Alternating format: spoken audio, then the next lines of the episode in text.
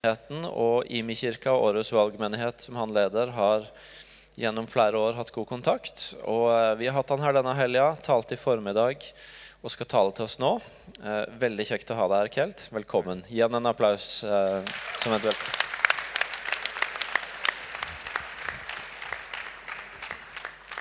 God aften. God aften. Er I her? Godt. Egil har talt med mig om og talt med jer om, hvad det vil sige at være en øh, bevægelse. Hvad der sker, når Guds folk bliver mobiliseret, sat i bevægelse, planter menigheder.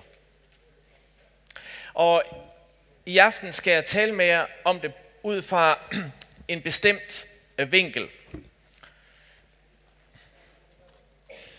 Er det til mig? Det er vi vand.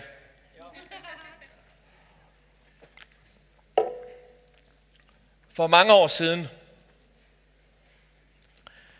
boede jeg i en mindre by i Danmark. Og øh, der var jeg et år, hvor jeg arbejdede øh, i en lønnet tjeneste et år.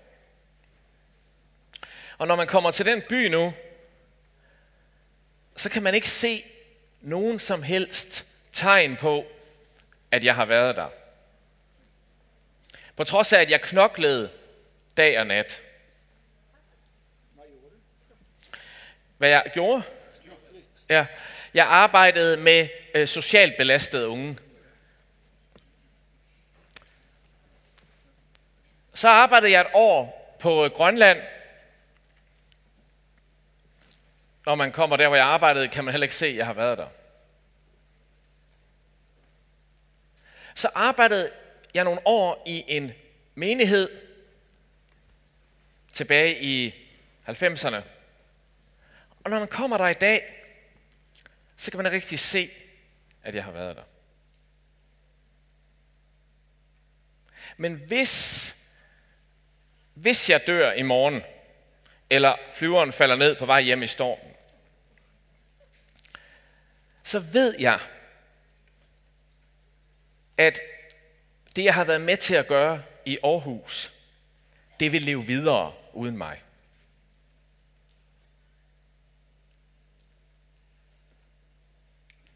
Så jeg vil tale med jer om i aften, hvordan vi bygger noget, sådan at det har en betydning, når vi ikke selv er der længere.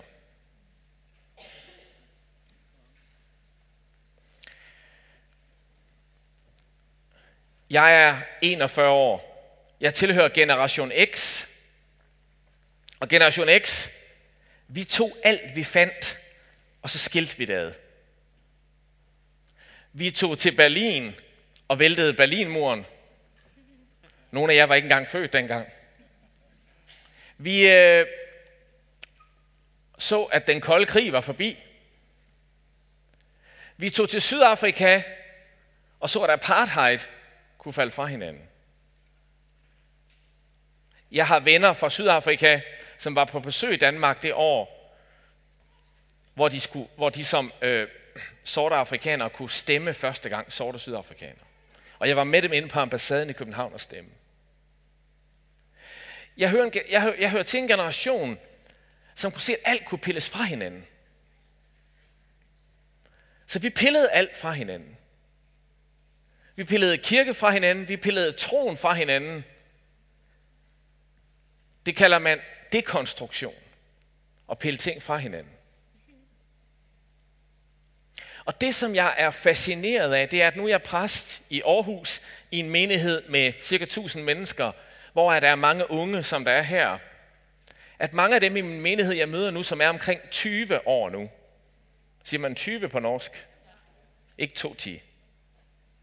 I never get it. 20 år, 20 plus, de er ikke så optaget af at pille tingene fra hinanden. Men de er optaget af at bygge noget. Derfor kalder sociologer jer for builders.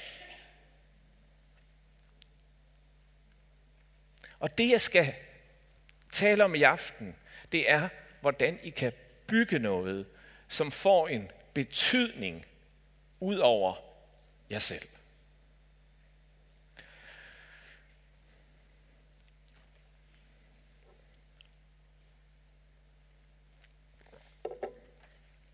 For nogle år siden var min kone og jeg i Paris. Vi var så heldige at bo lige op og ned af Lure. Min kone elsker kunst, og jeg sendte hende derover, så jeg kunne sove længe.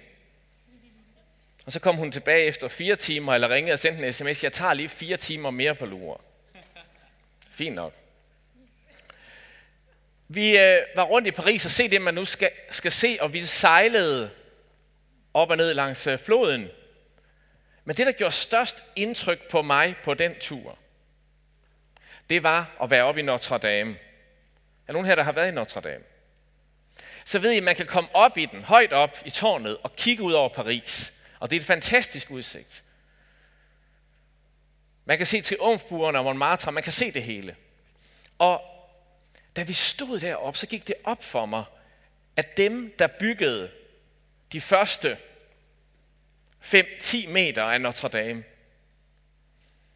de fik aldrig den udsigt. They never ever got the view from the tower. Der var altså nogen, der var villige til at bygge en katedral. Og så vide, at det vil tage så mange år at bygge den, at de vil aldrig se den færdig.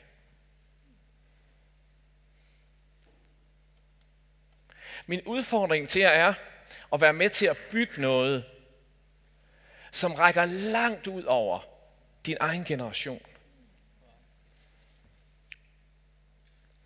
Og øh, alt, hvad vi bygger i Guds rige, kommer tilbage til at bygge en familie. Alt, hvad vi bygger i Guds rige, kommer tilbage til at bygge en familie. Og når man ser på lande, rejser rundt i verden og møder forskellige kulturer, så finder man ud af, at næsten i hvilket som helst land, uanset hvilken styreform der er, så er der i hvert århundrede 5-10 familier, som har sat dagsordenen. I Danmark har vi Augen-familien og Helve Petersen. Det kan være i politik, i kunst, i finansverdenen. Der er familier, der i tre generationer har sat dagsordenen. Og uanset hvad de stod for, så forstod de én ting. At bygge en familie. Og derfor satte de dagsordenen. Og vi skal høre Paulus sige noget om det her, og øh, Egil kommer og læser for os nu.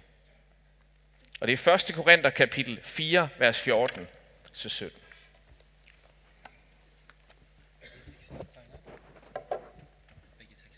Nej, kun en. 1. Korinterbrev 4, fra vers 14.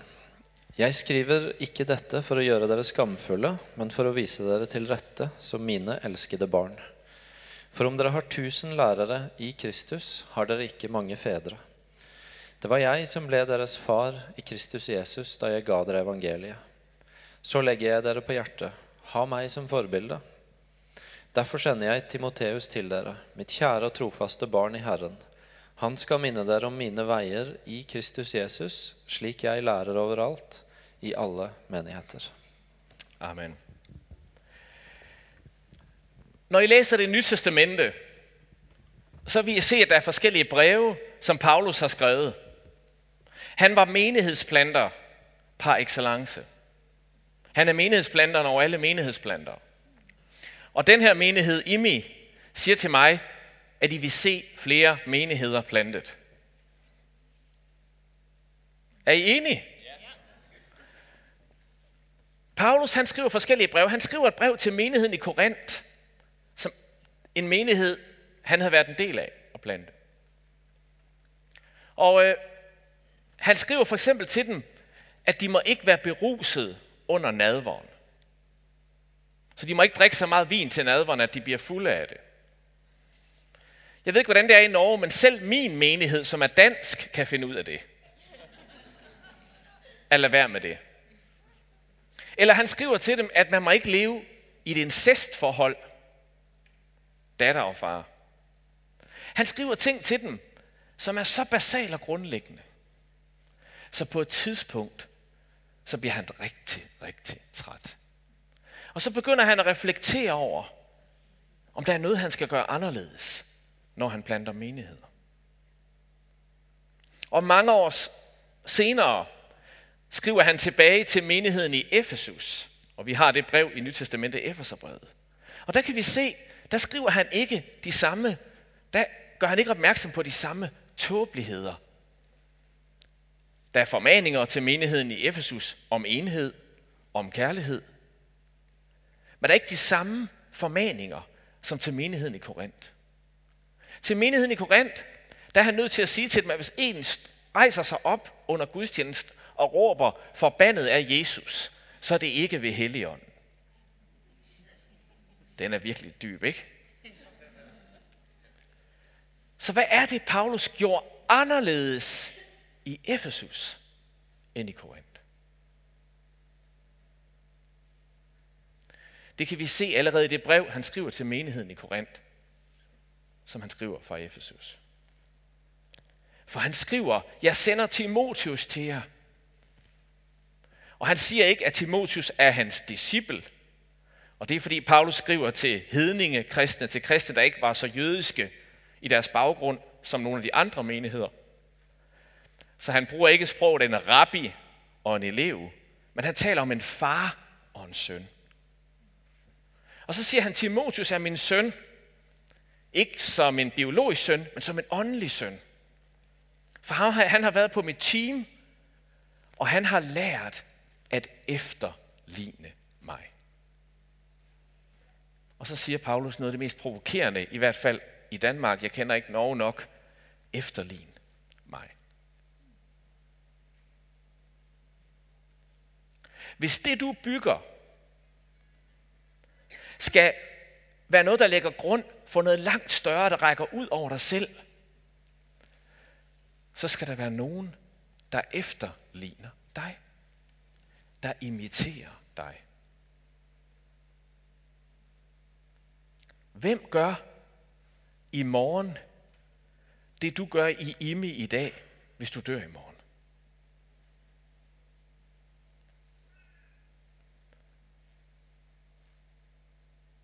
Det var det, Paulus ikke havde gjort godt nok i Korinth, men som han lærte at gøre i Efesus. Og i Efesus var han i tre år, mindst dobbelt så lang tid som i Korinth. Og han lavede en skole. Det var hans akta-skole. Hvor han trænede, og der står, han trænede dem ved at samtale med dem dagligt. Og da han rejser for menigheden i Efesus, det kan I se i apostlenes gerninger, så siger han, jeg har vejledt jer nat og dag til de ældste til lederne. Paulus havde forstået, at det var tid til at gøre, som Jesus gjorde. Disciple mennesker grundigt i tre år, før vi sender dem ud. Og derfor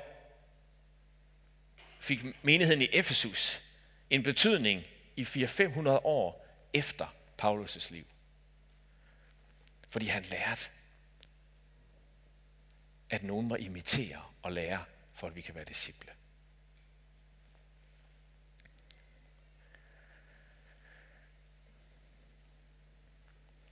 Hvem imiterer du, og hvem imiterer dig?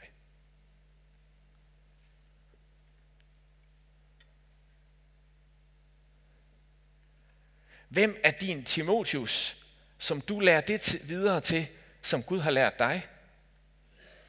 Det vil sige, du discipler vedkommende. Og hvem følger du efter, som lærer dig det, som han eller hun har lært? Det er det, Paulus her beskriver. Og der er ingen af os, der kommer til at blive en menighedsplantende bevægelse uden det her.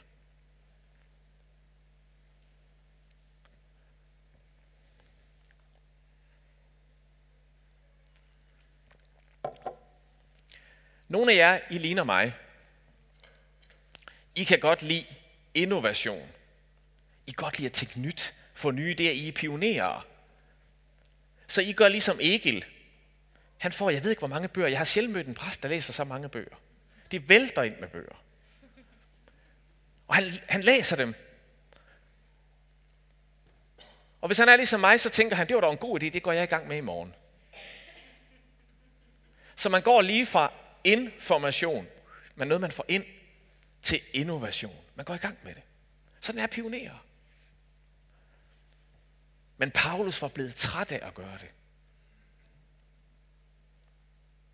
Han fandt ud af, at fra information til innovation imellem der, er der imitation. Det er at lære for andre. Det er at være i mesterlærer. Det er at være en disciple, der lærer fra en rabbi, eller i det romerske hushold, en søn, der lærer fra sin far.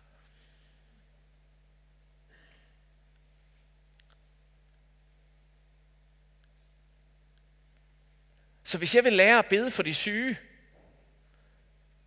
så er jeg sammen med en, der beder for de syge. Og ser, hvordan hun gør, eller han gør. Og på et tidspunkt gør jeg det samme.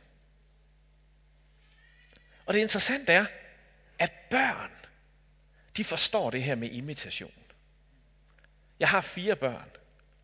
Og når de skal lære at spise, så starter de med at stikke maden ind i ørerne. Men på et tidspunkt finder de ud af, at det skal herind. For de imiterer og ser, når det er sådan far gør. Og så bliver jeg mere mæt, end når det ryger ind i ørerne. Vi er børn i en familie. Og vi følger efter og efterligner fædre og mødre. Men vi er også selv fædre og mødre for andre, der lærer for os.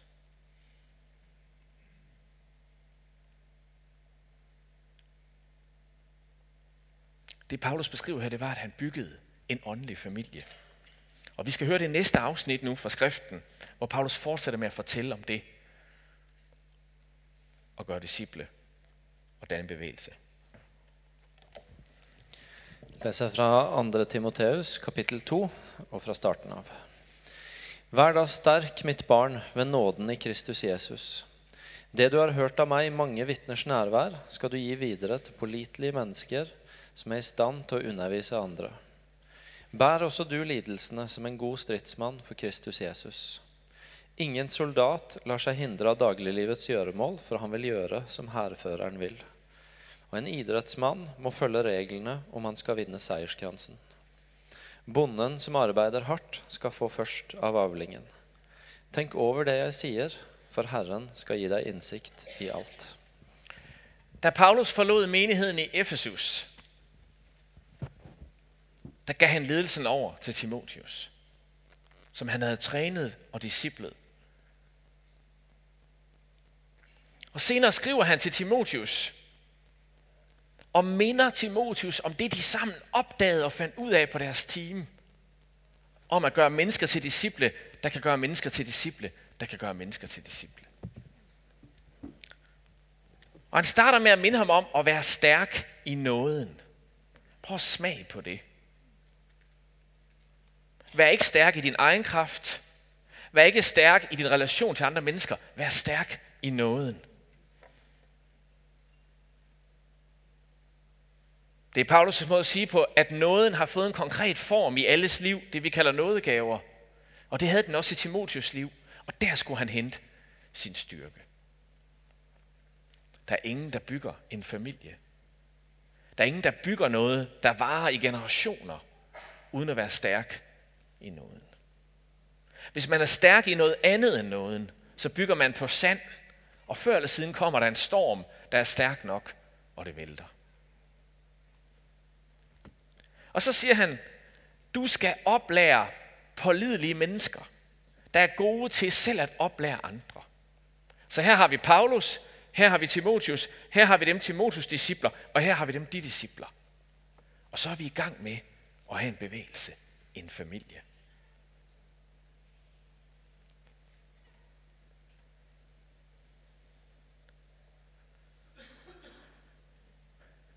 Hvem gør det i morgen, som du gør i Imi i dag, hvis du ikke er i Imi mere i morgen? Prøv at fortælle det til sidemanden. Sidemanden er også i Norge, den der sidder ved siden af.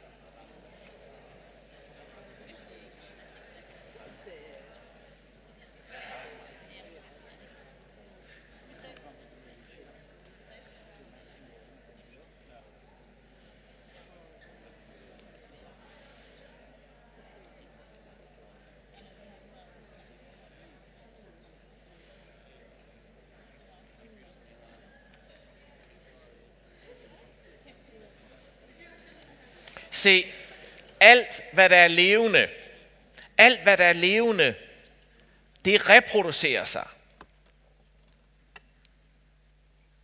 Alt hvad der er levende, det reproducerer sig. Og en menighed er en åndelig familie. Det er noget levende. Og en menighed reproducerer sig også. Planter nye menigheder, danner nye fællesskaber. Der er hele tiden nødt til i en menighed, der skal blive en bevægelse, og være nogle nye, der rykker ud på fronten og bærer det med sig, som er den åndelige familiesten af, og planter det et nyt sted. I den menighed, jeg leder i Aarhus, har vi de sidste fem år plantet menigheder fem forskellige steder i Danmark. Og derudover så danner vi nye missionale fællesskaber i den by, vi er i, ligesom I gør her. Det er ikke noget ekstraordinært. Det er bare et udtryk for dem, vi er. Fordi det der levende, det reproducerer sig.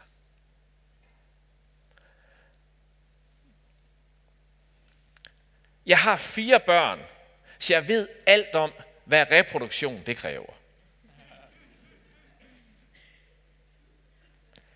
Det er kort tid med sjov, 9 måneders venten og 18 års hårdt arbejde. Det er reproduktion, venner. Jeg har ikke selv plantet en menighed. Jeg har været med til at plante nye missionale fællesskaber. Jeg har lige været med til at starte et nyt her i januar sammen med min oikos, min udvidede familie. Men jeg har trænet menighedsplanter, og jeg har fulgt dem. Og jeg er ikke naiv om, hvad det kræver. Det er sjovt. Der er ventetid, og så er der masser af hårdt arbejde. Men det du får, det er en åndelig familie. For nylig, så mødte jeg, mødtes jeg med en mand, som er chef i Danmark i en stor social organisation, der arbejder med social arbejde.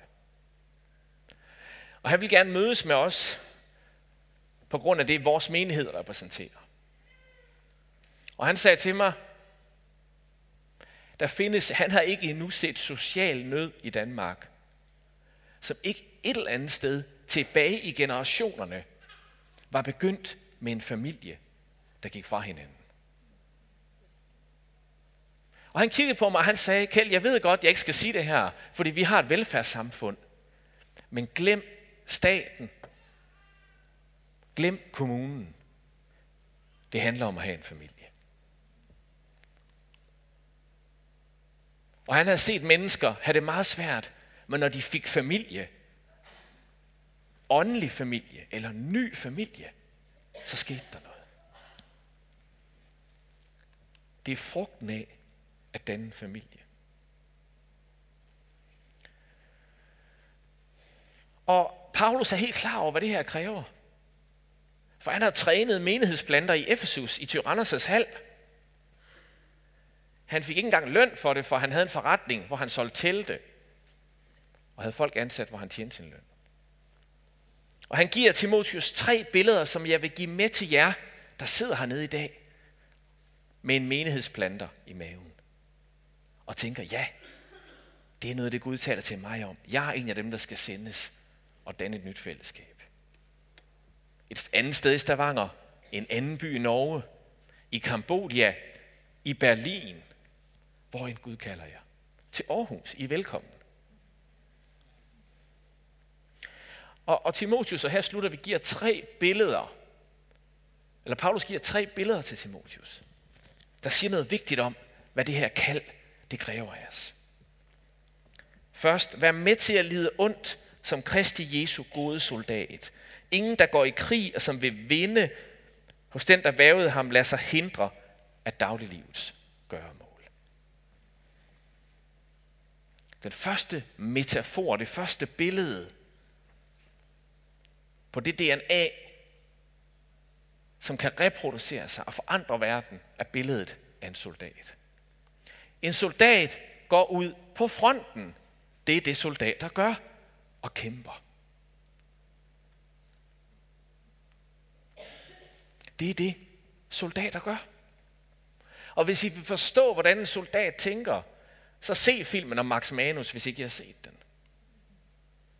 Sådan tænker en soldat. Derfor springer han ud af vinduet. For han skal ud på fronten. Og nogle af jer har det sådan. Ja, jeg skal derud. Og det er fantastisk, men du kan ikke gøre det, hvis du lader dig hindre af dagliglivets gøremål. Det koster. Og du må gøre det op med dig selv.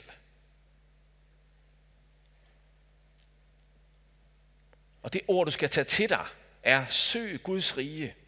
Kæmp for hans rige først, og alt det andet vil give sit tilgift. Det er også min erfaring. Men man skal gøre det op med sig selv.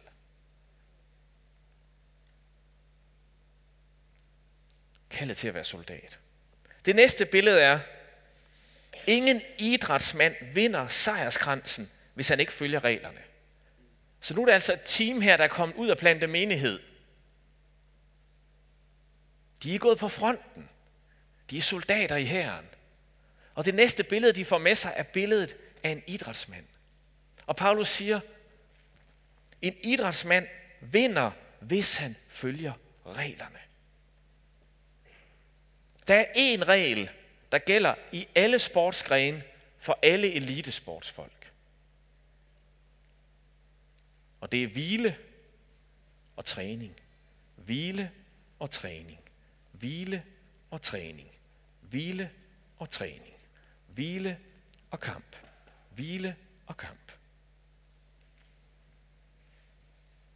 Det er et eksempel på en af de regler, der gælder, hvis vi skal gøre noget, der skal vare mere end tre måneder, hvor vi har den umiddelbare energi og er fyldt med adrenalin. Fordi vi er pionerer. Der er nogle spilleregler, der gælder, for at det holder på den lange bane. Jeg ved ikke, hvordan I har det med at få at vide, Makker, velkommen her. Det her det er opgaven, og vi spiller efter de her regler. Jeg har det ikke godt med det. Jeg er dansker. Og vi har altid vores egen udgave af tingene. Det har nordmændene sjovt nok også. Vores særlige undtagelser. Det særlige, der gælder for os. Derfor er det nogle gange vanskeligt for os at imitere godt. Fordi der er altid noget helt særligt, der gælder der, hvor vi er. Jeg huskede, jeg voksede op med, at der var nogle byer i Danmark, hvor man sagde, der kan man ikke evangelisere og bringe riget, for der er særligt åndeligt mørke.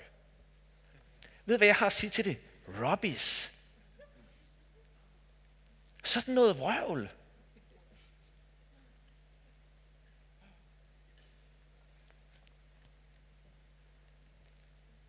Når jeg kommer ind i et rum og får at vide, sådan er reglerne, Kjeld, så er der noget i mig, der siger, nej, jeg vil selv finde ud af alle reglerne. Fordi jeg vil gerne innovere. Men tænk på, hvor vigtige regler er. Hvis du for eksempel tænker, at det er hårdt at leve, som Jesus kalder os til. Hvis du tænker, det er hårdt at gøre det, Jesus siger i bjergprædiken. Bliv ved med at tilgive idioter omkring en. Jeg læste engang en bog, der hedder Verden er fuld af idioter. Hvordan omgås du dem uden at blive en? Hvis du synes, det er hårdt at tilgive igen og igen. Hvis du synes, det er hårdt at stå op tidligt og passe dine børn, som vågner alt for tidligt herefter skiftet til vintertid. Alt, hvad du kan synes er hårdt, så t- som Jesus kalder os til at elske vores næste, så tænk på, hvor hårdt dit liv bliver, hvis du bestemmer dig, at i to uger vil du leve konsekvent modsat af det, Jesus siger. Så skal du få et hårdt liv. Prøv at tænk på, hvis vi bestemte, nu vil vi i IMI leve konsekvent mod de 10 bud i to uger.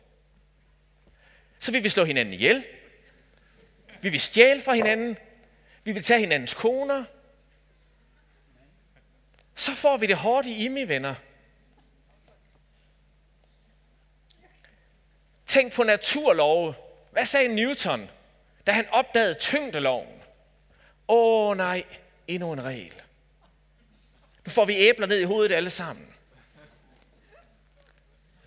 Eller hvad sagde Einstein, da han opdagede loven om relativitet, om altings relativitet? De gav ham Nobelprisen. Hvorfor han oplevede en lovmæssighed, der gør, at tingene fungerer. Den, der vil løbe det lange løb, løber efter reglerne. Og der er nogen, der har erfaring med menighedsplantning. Der er nogen, der har erfaring med at disciple folk i den her menighed længere end du har. Lær af dem. Bliv trænet, bliv udrustet.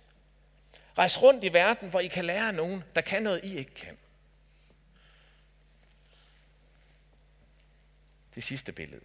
Den bonde, der har slidet, var her først af høsten. Når vi er kommet ud som timer har plantet noget, og har været soldater på fronten.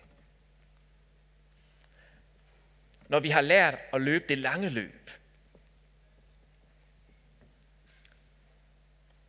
Hvor vi er så langt, at hvis vi rejste fra den her menighedsplantning, så vil den leve videre alligevel. Før har man ikke plantet noget, venner.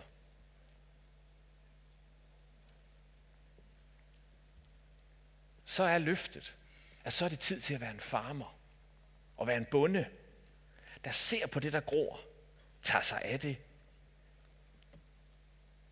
fjerner lidt ukrudt og nyder frugten af det.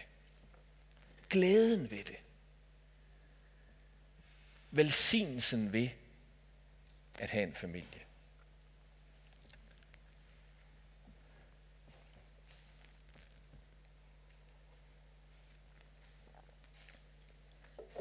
Ved I, hvad I giver Martin og Irene løn for?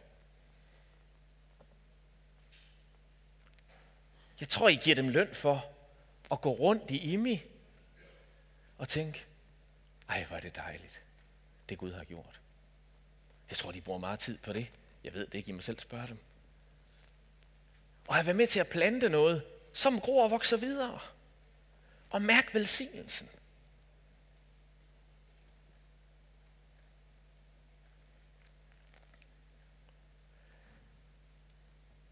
Sidste år havde jeg overlov fra min tjeneste. Skal jeg snart med flyveren? Råb op, hvis jeg skal. Sidste år havde jeg overlov med min familie, og vi bestemte, at vi vil holde helt overlov for tjeneste, så vi vil ikke tage på sommeroase. Det er en stor sommerkonference, vi har i Danmark hvert år, og vi har været der alle årene. Så vores børn, det er ligesom, det er ligesom aflyse juleaften. Og sige, det er bare en almindelig aften. Så vi sad i et sommerhus, mens alle andre var på sommeroase, og lod som om, at det bare var en almindelig uge. Men så kom jeg i tanke om, at der var noget, der hedder Oase Play, hvor man kan gå ind og streame møderne. Det skulle vi ikke have gjort. Så sad mig og min kone ude på terrassen. Og så så vi Oase Play, og så så vi møder fra sommeroase.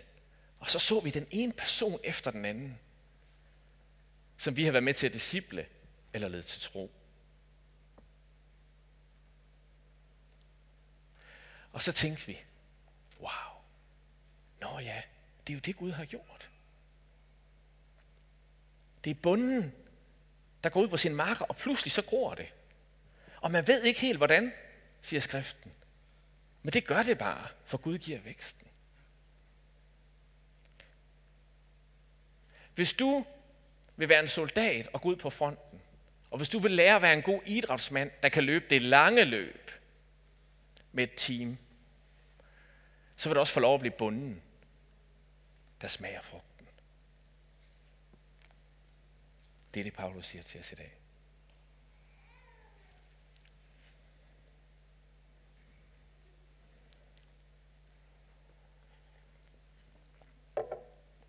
Vi er inden for landing. For næsten 100 år siden var der en øh, mand, som konkurrerede med Norge. Han hed Shackleton. Ernst Shackleton. Han var polarforsker, og det har I været gode til heroppe. Så han kæmpede med Amundsen og hvad de hedder. Det lykkedes ikke for ham. Men så lavede han en ekspedition, hvor han ville vise, at man kunne sejle igennem en sejlrende ved Sydpolen. Det vil han bevise. Så han havde et skib og et crew med 28 mand, og så sejlede han. Men ekspeditionen gik galt. Jeg tror, det var 1916. Jeg tror, det var i november. Ekspeditionen gik galt. Det frøs til, skibet frøs til, og det endte med, at isen knuste skibet. Men alle mændene kom af på isflagen og fik nogle af tingene med, så de var sammen, de 28 mand.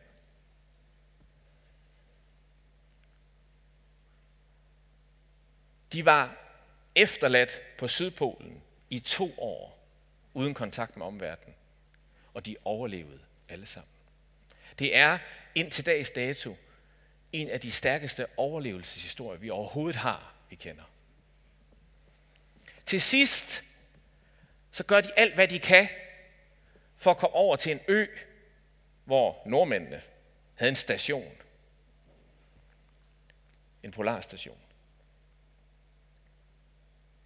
Og øh, til sidst er der kun tre af dem, der kan vandre, så de vandrer i 36 timer gennem tre bjergpas for at nå over til den station.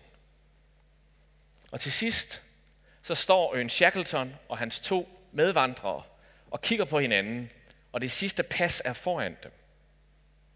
Og de, det er mørkt, og de ved, de har ikke forsyninger til at gå det sidste stræk. Så siger Ernst Shackleton til de to andre, vi bygger en slæde af det ræb, vi har med, og så glider vi bare ned. Og så håber vi, vi lander ved stationen. Og hvis ikke vi gjorde, så prøvede vi det mindste. Og så gør de det. Men inden de kommer så langt, så siger de to andre, ah, det er godt nok en høj risiko. Og så siger Ernst Shackleton, det han er så berømt for, but can we stay where we are. Hvad er alternativet? At blive, hvor vi er. Det er et ord til kirken i Danmark. Det er et ord til kirken i Norge. Can we stay where we are? Og nogle af jer har i jer den her ånd, som Shackleton havde.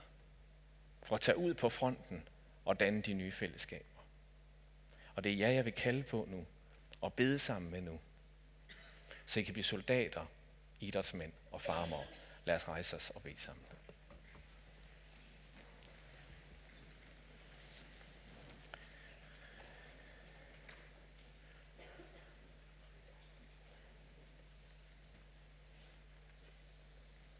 Jesus,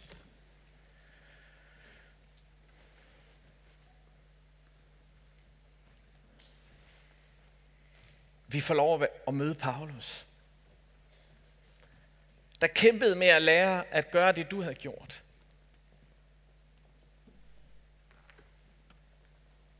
Og da han lærte det, nåede et helt region, hele Lille Asien, med plantninger og menighed.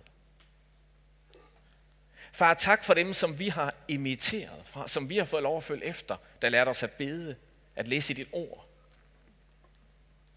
Hvem du er. Tak for dem, der delte, der er med os, Jesus, så vi kunne lære dig at kende.